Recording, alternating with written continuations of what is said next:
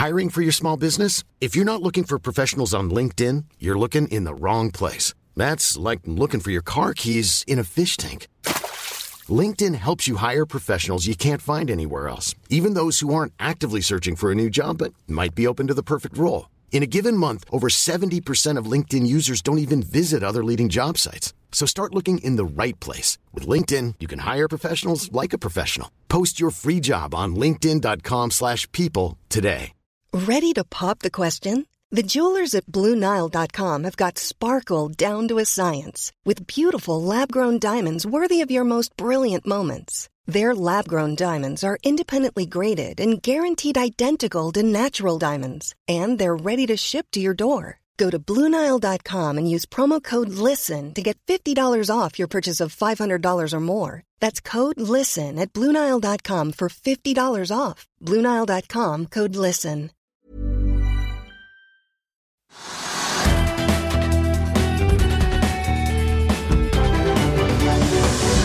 En riktig god tirsdag alle sammen, og velkommen til Økonominyhetene. Kalenderen viser 7. november. Norsk politikk preges av et høringsmaraton i Stortinget i habilitetssakene. Nordea har fått et foreløpig nei av Konkurransetilsynet til å kjøpe Danske Banks privatkunder. Og børsen faller mye i dag, over halvannen prosent, mens da aksjonærene XXL og Link Mobility kan glede seg over at de to suser motsatt vei. Og bare for å ta det med en gang, hovedveksten som altså er ned rundt 1,6-1,7 i dag til 1270 poeng, er ikke lene om å falle. men men vi får si at selv om det er jevnt rødt over hele Europa i dag, så peker Oslo Børs seg ut som den børsen som faller aller mest. Asia var rødt i morges, og det skjer da etter at Wall Street faktisk steg litt i går, etter å ha lagt bak seg sin aller beste uke så langt i år. Vi får lite drahjelp eh, av oljeprisen her hjemme i dag, som er ned rundt 2% til 83,40. Og så får vi også ta med da at Wall Street peker mot en rød start når handelen kommer i gang i skrivende stund. XXL stiger på nyheten om at uh, britene i Frasers Group har kjøpt seg videre opp i aksjen. Link Mobility har både kommet da med kvartalsrapport og nyheten om at de selger denne broadcast, Messers Broadcast-divisjonen til et amerikansk PE-fond, og den aksjen tikker oppover mellom 20 og 25% i uh, dag. og De får da inn uh, 220 av de 260 millioner dollarene i kontanter med en gang. Resten er selgerkreditt, og så er det en liten opsjonsavtale også i det salget der. Uansett eh, salget til Link Mobility kommer til å kutte gjeldsgraden kraftig i teknologiselskapet. Og så er det Univid da, som Oslo Børs har bestemt, for, eh, bestemt, seg for å ta av børs. De har inngått en avtale om å kjøpe da litt over 80% av det irske AI-selskapet CU gjennom en aksjebytteavtale. og Det sender Univid-aksjen kraftig opp i dag, over 50% til nesten 50 øre aksjen så langt. DNB Markets får vi si går for øvrig fra kjøp til hold på SalMar, som faller litt over 2,5 i dag.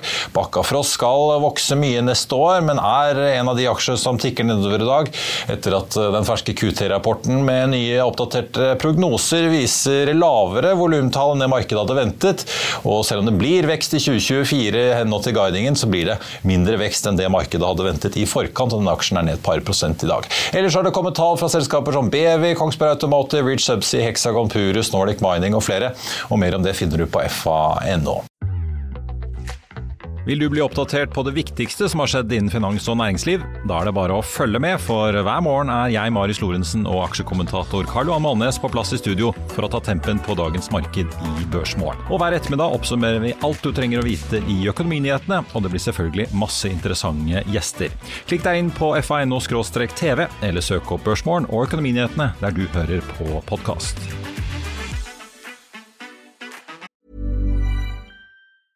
Mother's Day is around the corner. Find the perfect gift for the mom in your life with a stunning piece of jewelry from Blue Nile. From timeless pearls to dazzling gemstones, Blue Nile has something she'll adore. Need it fast? Most items can ship overnight. Plus, enjoy guaranteed free shipping and returns. Don't miss our special Mother's Day deals. Save big on the season's most beautiful trends. For a limited time, get up to 50% off by going to BlueNile.com. That's BlueNile.com. I'll see you in court. Vi sier det ofte litt på spøk, men for deg som driver business, er det aldri moro å innse at du ikke har laget en 100% gyldig kontrakt. Du bør ikke risikere hele firmaet ditt fordi du synes dette med kontrakter er litt stress. En avtale er ikke en avtale. Du kan miste kunder, miste venner, ja, til og med miste inntekter, om du ikke lager en skikkelig kontrakt, på alt mulig, egentlig. Men vi vet det er et styr. Kopimaskiner, tregprinter og haugevis av papir. Dessuten stoler vi jo på folk her i landet. Det er ofte litt kleint å skulle be om en signatur for alt mulig, ja, for mye av styret handler også om jakten på underskriften. Det finnes en enkel måte å løse dette på, Dukkobit, en trygg, effektiv og get this, gratis måte å sikre seg en god natts søvn pluss en juridisk bindende avtale. Dukkobit-appen har de strengeste sikkerhetskrav i bunn, samt en EU-godkjent og sertifisert teknologi. Framover vil det bli behagelig å spørre du, skal vi skrive under på det, eller? Kom i gang på dukkobit.no.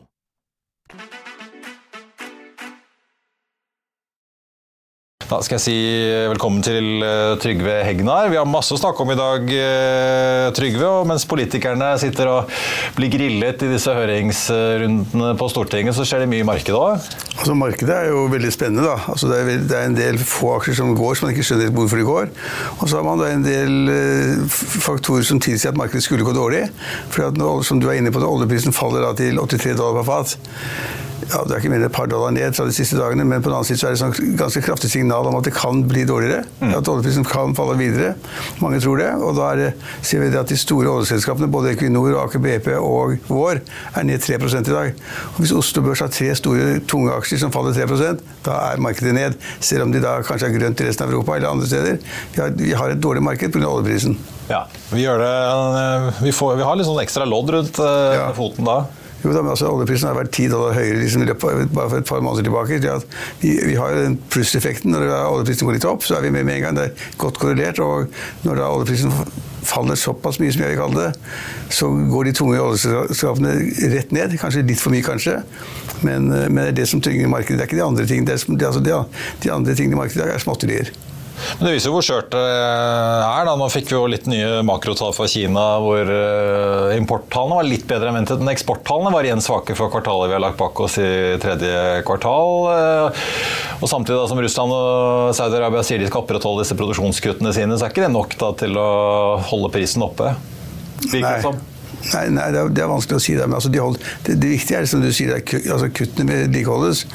Hadde de tatt bort kuttene, så hadde de fått en flom i oljemarkedet. Da hadde da kanskje oljeprisen falt 5-6-7-8 dollar per fat. Ja. Men nå er, verden er litt usikker, faktisk. Det, da, liksom, man, hvor ble det den resesjonen alle snakket om? Hvordan går det med rentene? Liksom? Skal de opp, eller skal de ned? Og skal de ligge flatt? Og det samme høye nivået i lang tid. Altså, folk er veldig forsiktige for tiden. Så de holder igjen på investering, tror jeg, og de ser på andre ting. Og markedene er usikre altså, det er veldig få som kan konkret si at det blir resesjon i Tyskland eller i Norge eller i Frankrike eller i Storbritannia. Men man er engstelig for at det skal bli liksom en form for nedgang i økonomien, og så holder man litt igjen. og Det kommer til å prege aksjemarkedene ganske lenge, tror jeg. Ja, og så går man jo, Selv om vi vet det går dårlig i Tyskland, så ser vi jo liksom disse jobbtallene som kom fra USA på fredag, som var litt eh, svakere enn ventet. og Da plutselig går jo alle og håper på at oh, nå har Fed fått nok til å stoppe og øke renten eller begynne å kutte snart. Ja, eller? Det er det som skjer. altså Man da tror at, nå det at det ikke blir noen renteøkning, i hvert fall. Men blir det noe kutt? Det tror man kanskje heller ikke, og så blir man liggende flatt da. Ja. Så er det da noen få, kanskje en tiende, som tror at det blir en renteøkning. De tror også at de kommer signaler om at det blir ingen renteøkning i Amerika, men, men det blir heller ingen kutt. Så midt oppi alt dette da, så er det jo hyggelig å sitte som gassfraktreder om dagen. For det er litt sånn problemer i Panamakanalen. Vops! Så skuffer BVLPG og alle de som driver med gassfrakt av Avans og sånn inn masse. Ja, og det syns jeg er kjempemorsomt. For det viser at liksom det, finans, altså det å analysere finansmarkedene og shippingmarkedene og aksjemarkedene, det har av og til sine altså det er av og til veldig enkelt. I dette tilfellet har vi fått en kjempeøkning i ratene i gassfart, fordi at de skipene som normalt gikk gjennom Panamakanalen de kan ikke gjøre det lenger. fordi blir, altså da, du, du, må liksom, ja, De kutter ned på antall skip som får lov å gå. fordi de hevder, og det visste jeg faktisk ikke, at de hevder at hver gang det går et skip gjennom Panamakanalen, et gasskip, så bruker det liksom så mye vann som en hel by, en middels stor norsk by, bruker i løpet av et helt år. eller sånt. Så det er enorme vannmengder. og man har funnet at man mangler vann i de omliggende landene. Og For å da få bedre på situasjonen, så sier man at da vil vi ikke ha så mange skip gjennom Panamakanalen. Da må skipene enten gå om, om da, altså Afrikas sydspiss eller via uh, Suezkanalen. Ja. Uh, og transportavstandene blir Siri da kan man ta det sånn litt avtale men altså, Siri blir 50% lenger eller sånn nå. Og det betyr at man trenger mange flere skip for å få de samme, de samme transportene på mye lengre transportstrekninger. Så enkel er analysen, og ratene går rett i været. Eller så må man betale seg gjennom som en del LNG Ja, kan, og containerskip gjør, tydeligvis. da. ja, det kan man si, men i, i hvert fall er det slik da, det at man man ser at no, altså er ganske gode til slikt. Gjennom tidene har det alltid vært det. Og de sitter og ser da liksom at en fare som foregår her, da, og så får de kanskje en kontakt der borte i Panama eller sånt, og så sier at at du, nå kommer det restriksjoner. Istedenfor 40 skip hver dag, så blir det 20 eller sånt. Og da kommer ratene til å gå opp. Og så er alle glade, og ratene går rett opp. og Norske meglere og norske redere fryder seg. Man bør ikke være veldig god, man bare følger ganske godt med. Ja, det er noe med det. Ja, man må vite hva man uh, driver med. Men uh, skal vi snakke litt om XXL også, som jo har fått disse britene inn, og som vi kunne lese i dag. Nå ser det da ut til at den litt symbolske nyheten da, om at Øyvind Tidemansen er ute en gang for alle i sportskjeden. Han og broren startet på, tidlig på 2000-tallet og fikk en EQT på eiersiden etter hvert her for en, ja det var vel i 2010. Ja, altså, Marius husker ikke alle tallene, men altså, XXL var på toppen verdt 15 eller 20 milliarder kroner. eller sånn nå.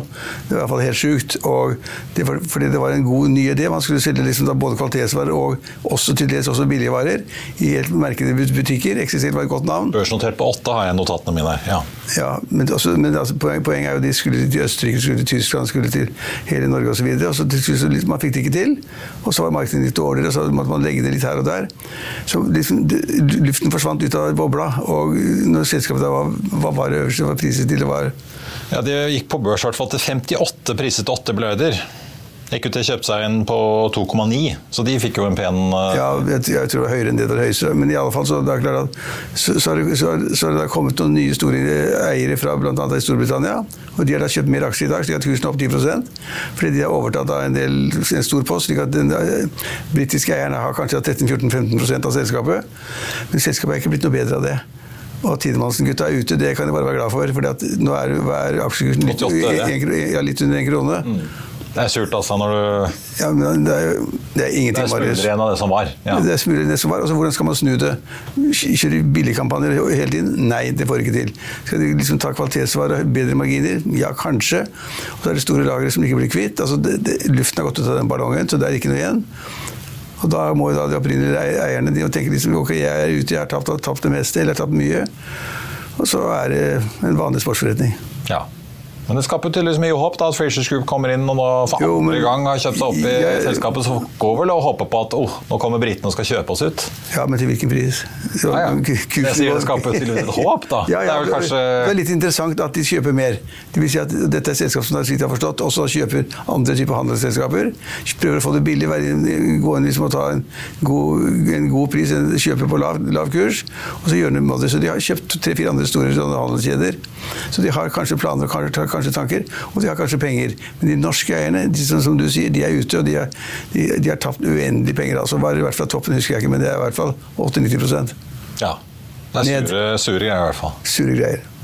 Tror du når det har fått kjøpt øh, Danske Banks privatkunder? da? Jeg tror egentlig det. Konkurransetilsynet har sagt at det er en trussel for konkurransen i markedet. Det er riktig. Det er klart at Hvis da Nordea tar den, den delen av markedet, særlig boligmarkedet, da, privatdelen, så er det klart det reduserer konkurransen litt. Og det er lettere for de, andre, de bankene som er igjen, å se på hverandre, hvilken, hvilken rentemargin de tar, hvilken rente de tar. Så Det er lettere å orientere seg i markedet. så det, er, det er negativt at de, tar, at de tar det, men jeg tror de kommer til å få lov. Altså DNB kjempet om S-banken. Fikk jo ikke lov til å begynne med, så fikk de lov til slutt. Og jeg tror ingen sier i dag at det er en stor tap for samfunnet at de fikk lov å overta. Og jeg tror heller ikke at noen over tid kommer til å si det at det er et tap for landet hvis Nordea overtar den delen av, av Danske Banks portefølje. Det tror jeg ikke. Nei, da- altså, Danske har jo sagt de, legger, altså, de skal slutte med det, så jeg Ja, altså, ja, mener de ikke tjener nok penger på dette. her, Så alternativet er vel bare å legge det ned. Ja, og da vil det også ramme de mange ansatte, selvfølgelig. Ja. Da reallokerer de kapitalen sin et annet sted, da, men uansett så vil jo disse kundene da måtte bytte til andre banker. Så det men, er det kanskje begrenset hva kanskje egentlig kan gjøre. Men jeg synes de hadde på en måte et, Sånn sett, de hadde prinsipielt riktig utgangspunkt. Da. De liksom, hva tror de at det blir? Jo, det blir litt mindre konkurranse, men liksom avgjørende mindre konkurranse, eller stor altså, Det er vanskelig å si hvordan, hvordan man skal karakterisere det. og jeg, jeg tror de måtte si et eller annet som var ganske pent, og så gir de ny frist. Så skal man da, når de har svaret, så er det ny frist, og så kan du holde på noen måneder. Men til slutt så endrer det med at, at eh, de får det som de vil. Ja, nå er det neste Og det tror jeg ikke er 12. ikke. 12. januar 24, så vidt jeg har eh, Ja. skjønt eh, tilsynets prosess eh, riktig. Men det var litt interessant med DNB og S-banken. Skandiabanken så var det jo sparing som var det store elementet. Nå er det boliglån og private banking som synet har pekt på. da. Ja, Vi får se hvordan det går. jeg tror det går igjennom. Vi får se, vi får se ut på nyåret, Trygve. Det trodde jeg med S-banken også, da, da, var, da liksom innsigelsene var veldig mange og store. Ja.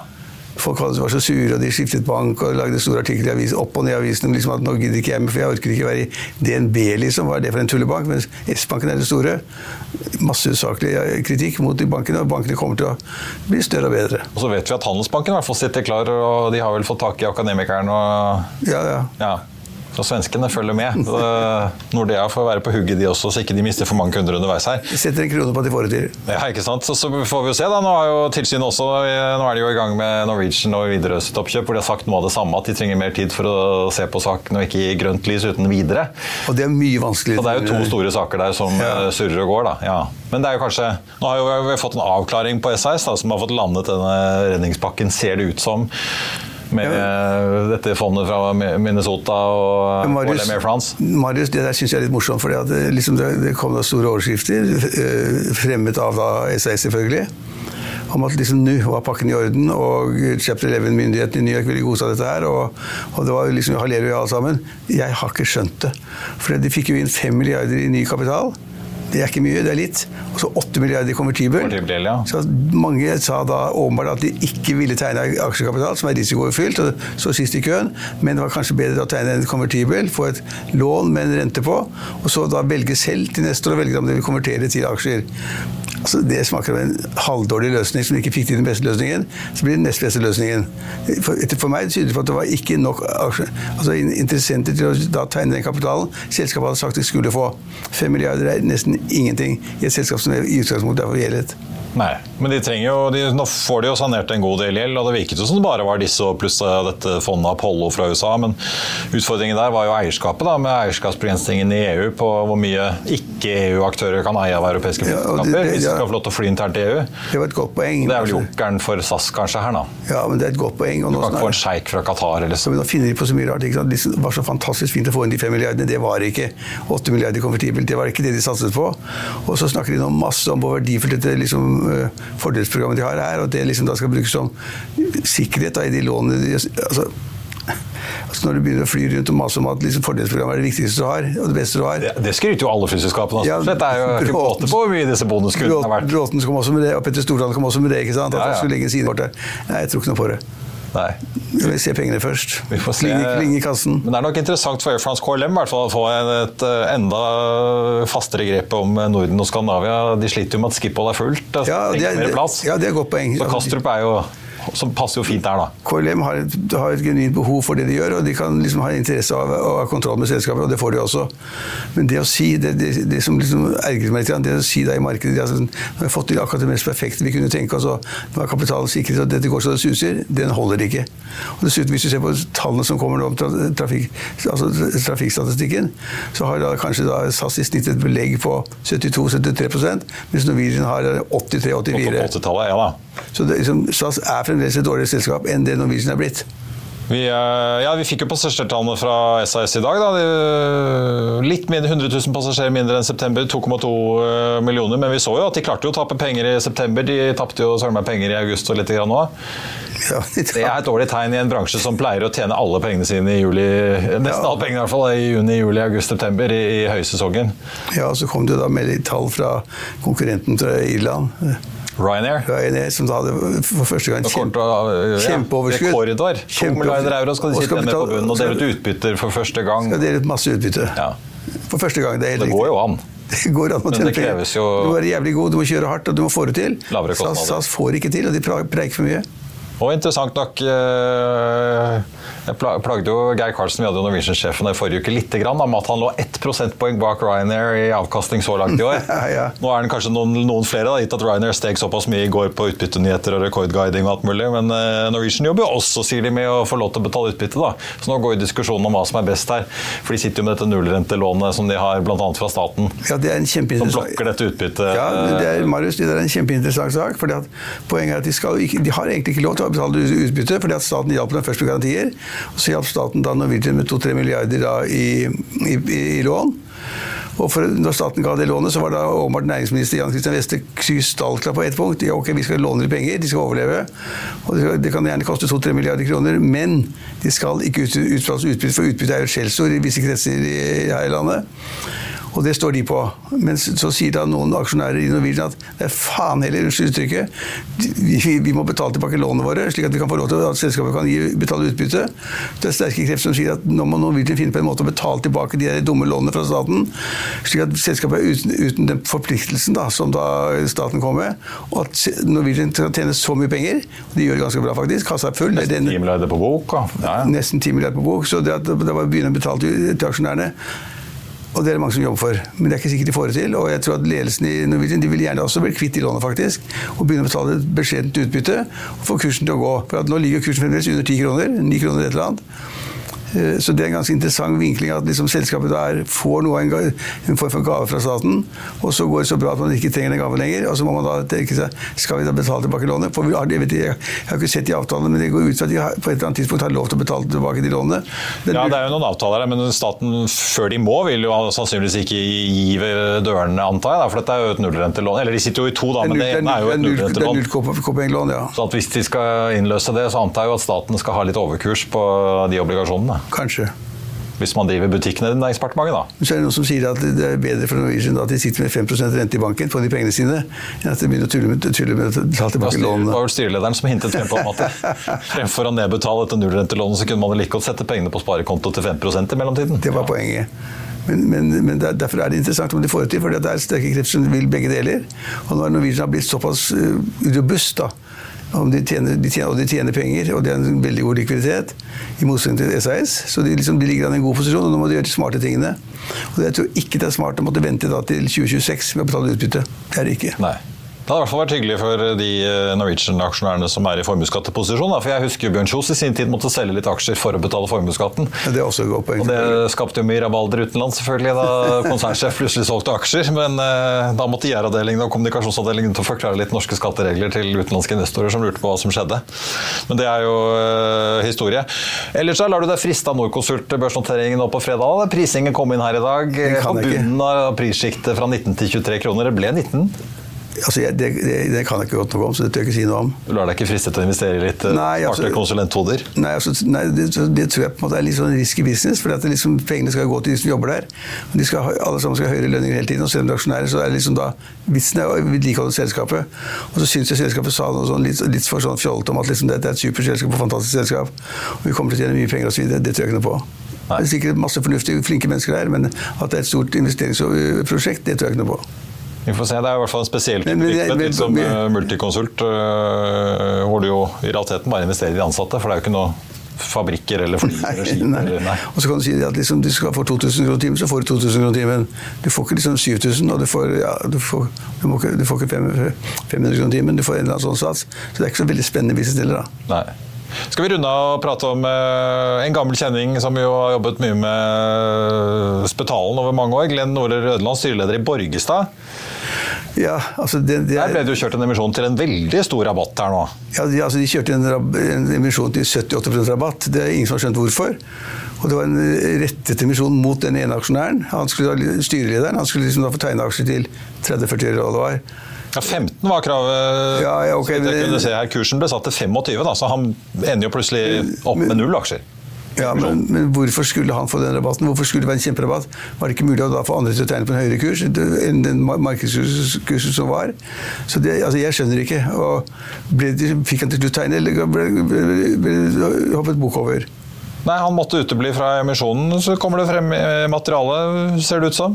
Men hvorfor skulle selskapet ha en rett emisjon til en kurs som var så dramatisk lavere enn markedskursen?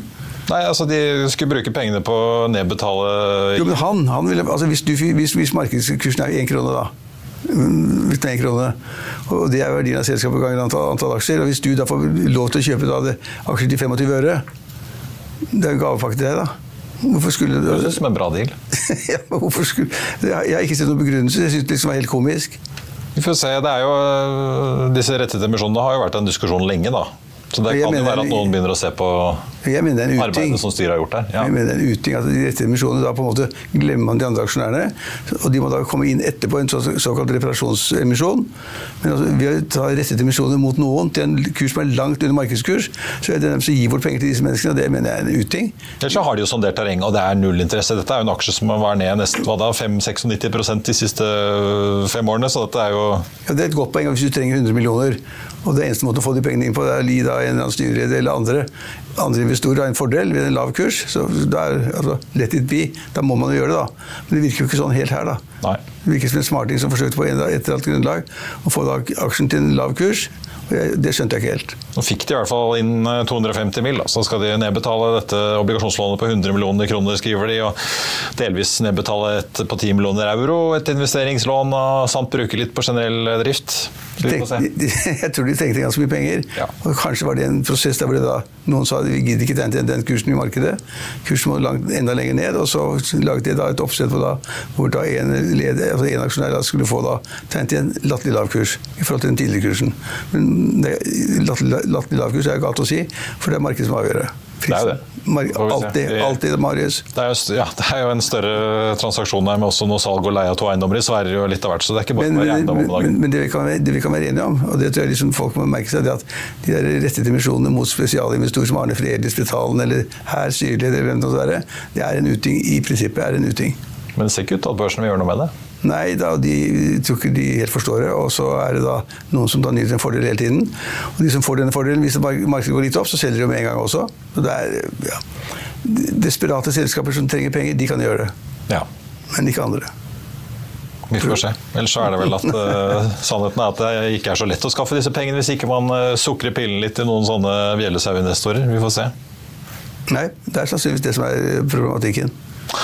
Takk skal du ha, Trygve. Vi følger med videre på markedet. Jeg nevnte jo da Norconsult. Da, det kan du for lese mer om på FA.no. eh, At eh, prisen da er satt eh, til fredagens børsnotering på da 19 kroner aksjen. Det gir en markedsverdi på Norconsult på 5,7 milliarder kroner. Kvartalssesongen den er fortsatt i gang for fullt. og I morges hadde vi besøk av Kapsol Technologies, tidligere kjent som CO2 Kapsol, som etter et par år på børsen nå vil rykke opp fra Next Growth opp til hovedlisten. Vi spurte også selskapets sjef om kapitalbehovet fremover, for selv om karbonfangstindustrien vokser kraftig, så har vi også sett i regnskapene at kassen har krympet mye bare siden nyttår. Bare se her. Dere har jo en, hvis jeg kan kalle det en sånn kapitallett modell. Dere skal ikke bygge eller eie anlegg selv. Dere lisenserer ut teknologien og gjør jo en del ingeniørarbeid og sånn. Øh, Det skulle i utgangspunktet i hvert fall gjøre det enklere å finansiere øh, virksomheten. Men kan du si litt om det, da? Hvis folk nå tenker at det begynner å bli bra fart i CO2-fangstbransjen, kanskje dette er interessant å investere i. Hvis du ser på kontantbeholdningene da, fra nyttår, så har den jo kommet ganske mye ned fra 85 millioner ned til 23 nå utgangen av tredje kvartal. Når dere nå samtidig sier at dere vurderer en opplistning, betyr det at her kan det komme emisjoner både for å få inn mer investorer og kapitalisere opp selskapet, eller? Det har- ikke vært på agendaen enda, og, og det skyldes at vi ser at nå begynner inntektene å bli høyere enn utgiftene. Vi var nesten der i dette kvartalet, og når vi gikk på Euronext for to år siden, da hadde vi et håp om at det skulle skje i 24. Nå er vi ganske trygge på at det er, skjer i 24. I det vi la frem i dag, så vil vi ha økt kapit- kontantbeholdningen gjennom neste år, gitt det vi har kontrakterte inntekter. Men det kommer jo mye mer. Men det har vi ikke inkludert i det. så Sånn sett har vi vært konservative i den planleggingen. Eh, Samtidig er det jo så vi er, vi er godt ikke godt kapitalisert, men vi er kapitalisert til å levere på den forretningsplanen vi har i dag. Og, men så ser vi jo, og vi må jo montrere markedet. Altså, Er det et booming marked hvor det er fantastiske muligheter, så må jo vi ta en diskusjon på det. Ja, for Handler det da om at eh, for å ansette flere fagfolk og altså, ha større kapasitet, rett og slett, eller? Ja, det er hvis vi skal begynne å ha utekontorer. eh, Vi er nå eh, godt rigget for dette med USA, og vi, vi ser på dette Midtøsten. Skal vi ha andre utekontorer? Skal vi begynne å bygge noen av disse anleggene på, våre på spekk? Da vil vi jo komme i en situasjon, og, og styret vårt er jo alltid der. De vedtar jo ikke et prosjekt hvis det ikke er inntekter knyttet til det, som gjør at vi ikke kommer i en, en skvis kapitalmessig. Men dere vurderer å gå fra dagens modell hvor dere bare selger teknologien til å faktisk bygge anlegg selv? Da? Nei, ikke bygge anlegg. Vi, vi, vi, vil, vi, vil, ha flere av disse Capsule Go-enhetene som gir oss gode inntekter. Og, og, det i seg selv er en god business. Men, men for å skalere opp hele til å bli et internasjonalt selskap, så, så vil vi nok vurdere det. Men vi er i en situasjon hvor vi er egentlig fornøyd i dag. Vi ser at vi, vi bikker over ja, i positiv kontantstrøm, og det syns vi er morsomt etter å ha holdt på i to år. På tampen av sendingen så tenkte jeg bare å eh, gå litt gjennom de selskapene som har levert tall i dag. Det ene er jo da Capsol Technologies, tidligere CO2-kapsol.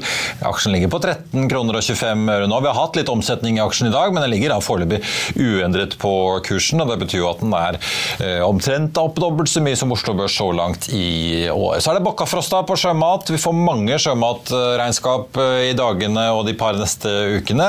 Bakkafrost har hentet seg litt inn fra bunnen i dag, men ligger fortsatt ned litt over 3 Eh, det operasjonelle driftsresultatet på 269 millioner danske kroner var litt bedre enn ventet, men så er det da, som vi var inne på, denne guidingen som er alfa og omega, i hvert fall skal vi tro analytikerstanden. Det var jo da ventet eh, en guiding på 84 500 tonn for 2023 samlet sett. Selskapet guider på 73 000, så rundt 10 000 mindre enn det som var ventet. Neste år så guider de på en 91 000. Det er også mindre enn de 97 800 som var eh, ventet, ifølge ifølge TDN. Så selv om det altså blir vekst neste år, så blir den mindre enn ventet. Og guidingen for i år var også da skuffende. Vi får også ta med da at eh, det kommer langt flere sjømattall da utover denne uken også. Vi venter jo på SalMar og Movi bl.a., i tillegg til da også Grieg og Austevoll. Kongsberg Automotive ute med tall i dag. Den aksjen ned rundt halvprosenten nå. Toppsjefen der lover jo en stor eh, turnaround. Det er jo en ny sjef på toppen av eh, selskapet. Du Justerte disse resultatene endte på 14,3 millioner euro mot 12,9 på samme tid i eh, fjor. Selskapet venter fortsatt et justert resultat da i år på mellom 20 og 25 millioner euro, og en omsetning på rundt eller underkant av 900 millioner euro. BV, som er en av de store taperne i dag også, ned litt over 10 eh, nå til rett under 20 kroner aksjen. Fikk et justert resultat eh, på 24 millioner euro i tredje kvartal. Det er da 10 millioner ned fra samme periode i fjor. Så har vi Hexagon Purus, en aksje som faktisk stiger litt over 3 på sin kvartalsrapport. Driftsresultatet endte på minus 154 millioner kroner. Det er da en forverring fra 100, minus 116 på samme tid i fjor, men omsetningen tikket også kraftig oppover, da fra 222 til 380 millioner eh, kroner. Selskapet, interessant nok, får vi bare merke oss at de tar også ned guidingen litt for veksten i år. De ventet å vokse med mer enn 50 nå sier de at de regner med å vokse rundt 50% da i 2023. Link Mobility, som jeg var inne på, ute med kvartalstall i dag, opp da 24,7% XXL har mistet noe av oppdriften etter at det ble kjent at altså Frasers Group kjøper seg ytterligere opp i uh, selskapet. Men XXL ligger fortsatt opp da 7,1% Jeg tenkte bare jeg skulle kjapt ta med at for å være helt presis, så gikk jo da Frasers Group fra å eie 9,75 i selskapet til nå å eie rett under 13,8% men de kontrollerer da 17,2% av stemmene fordi det er litt forskjellige aksjeklasser i XXL. Og så eh, får vi også bare nevne da Reach Subsea. Ned 2,5% Nordic Mining ned 2 begge ute med kvartalstallene sine. Finner, som også har vært ute med kvartals, nei, ikke kvartals altså unnskyld, trafikktall i dag. De eh, ligger ned en 6,3% og så har vi også da UBS, den sveitsiske storbanken, som jo nå har levert sin eh, første kvartalsrapport med et helt kvartal, eh, der de altså har hatt den gamle konkurrenten Credit Suisse, som jo kollapset i inne, får vi si, innbords, eller inhouse, etter fusjonen der, altså. UBS ligger opp en 3,9% på London-børsen nå, og 3,2% i førhandelen på New York Børsen. UBS leverte jo sitt første underskudd siden eh, lenge før pandemien eh, i 2017, faktisk nå etter oppkjøpet da, av eh, og fusjonen med Credit Suisse. I Finansavisen i morgen så kan du lese Trygve Egnars leder om Melgaard Kunst som skal brennes. Du kan lese om XXL-gridderne som redder fintech-selskapet Fygi. Det blir mer om Nordeas oppkjøp av Danske Bank og hva Konkurransetilsynet altså sier. Og så kan du lese om den snuoperasjonen som Kongsberg Automatisk nye sjef altså mener planer de nå er i ferd med å uh, sjøsette. Det var vår sending på denne tirsdag 7. november. Tusen takk for at du så eller hørte på. Mitt navn er Marius Lorentzen, og vi er tilbake igjen med Børsmorgen 08.55 i morgen og 14.30 med Økonominyhetene. I mellomtiden så får du som alltid siste nytt på fa.no. Vi ses igjen i morgen.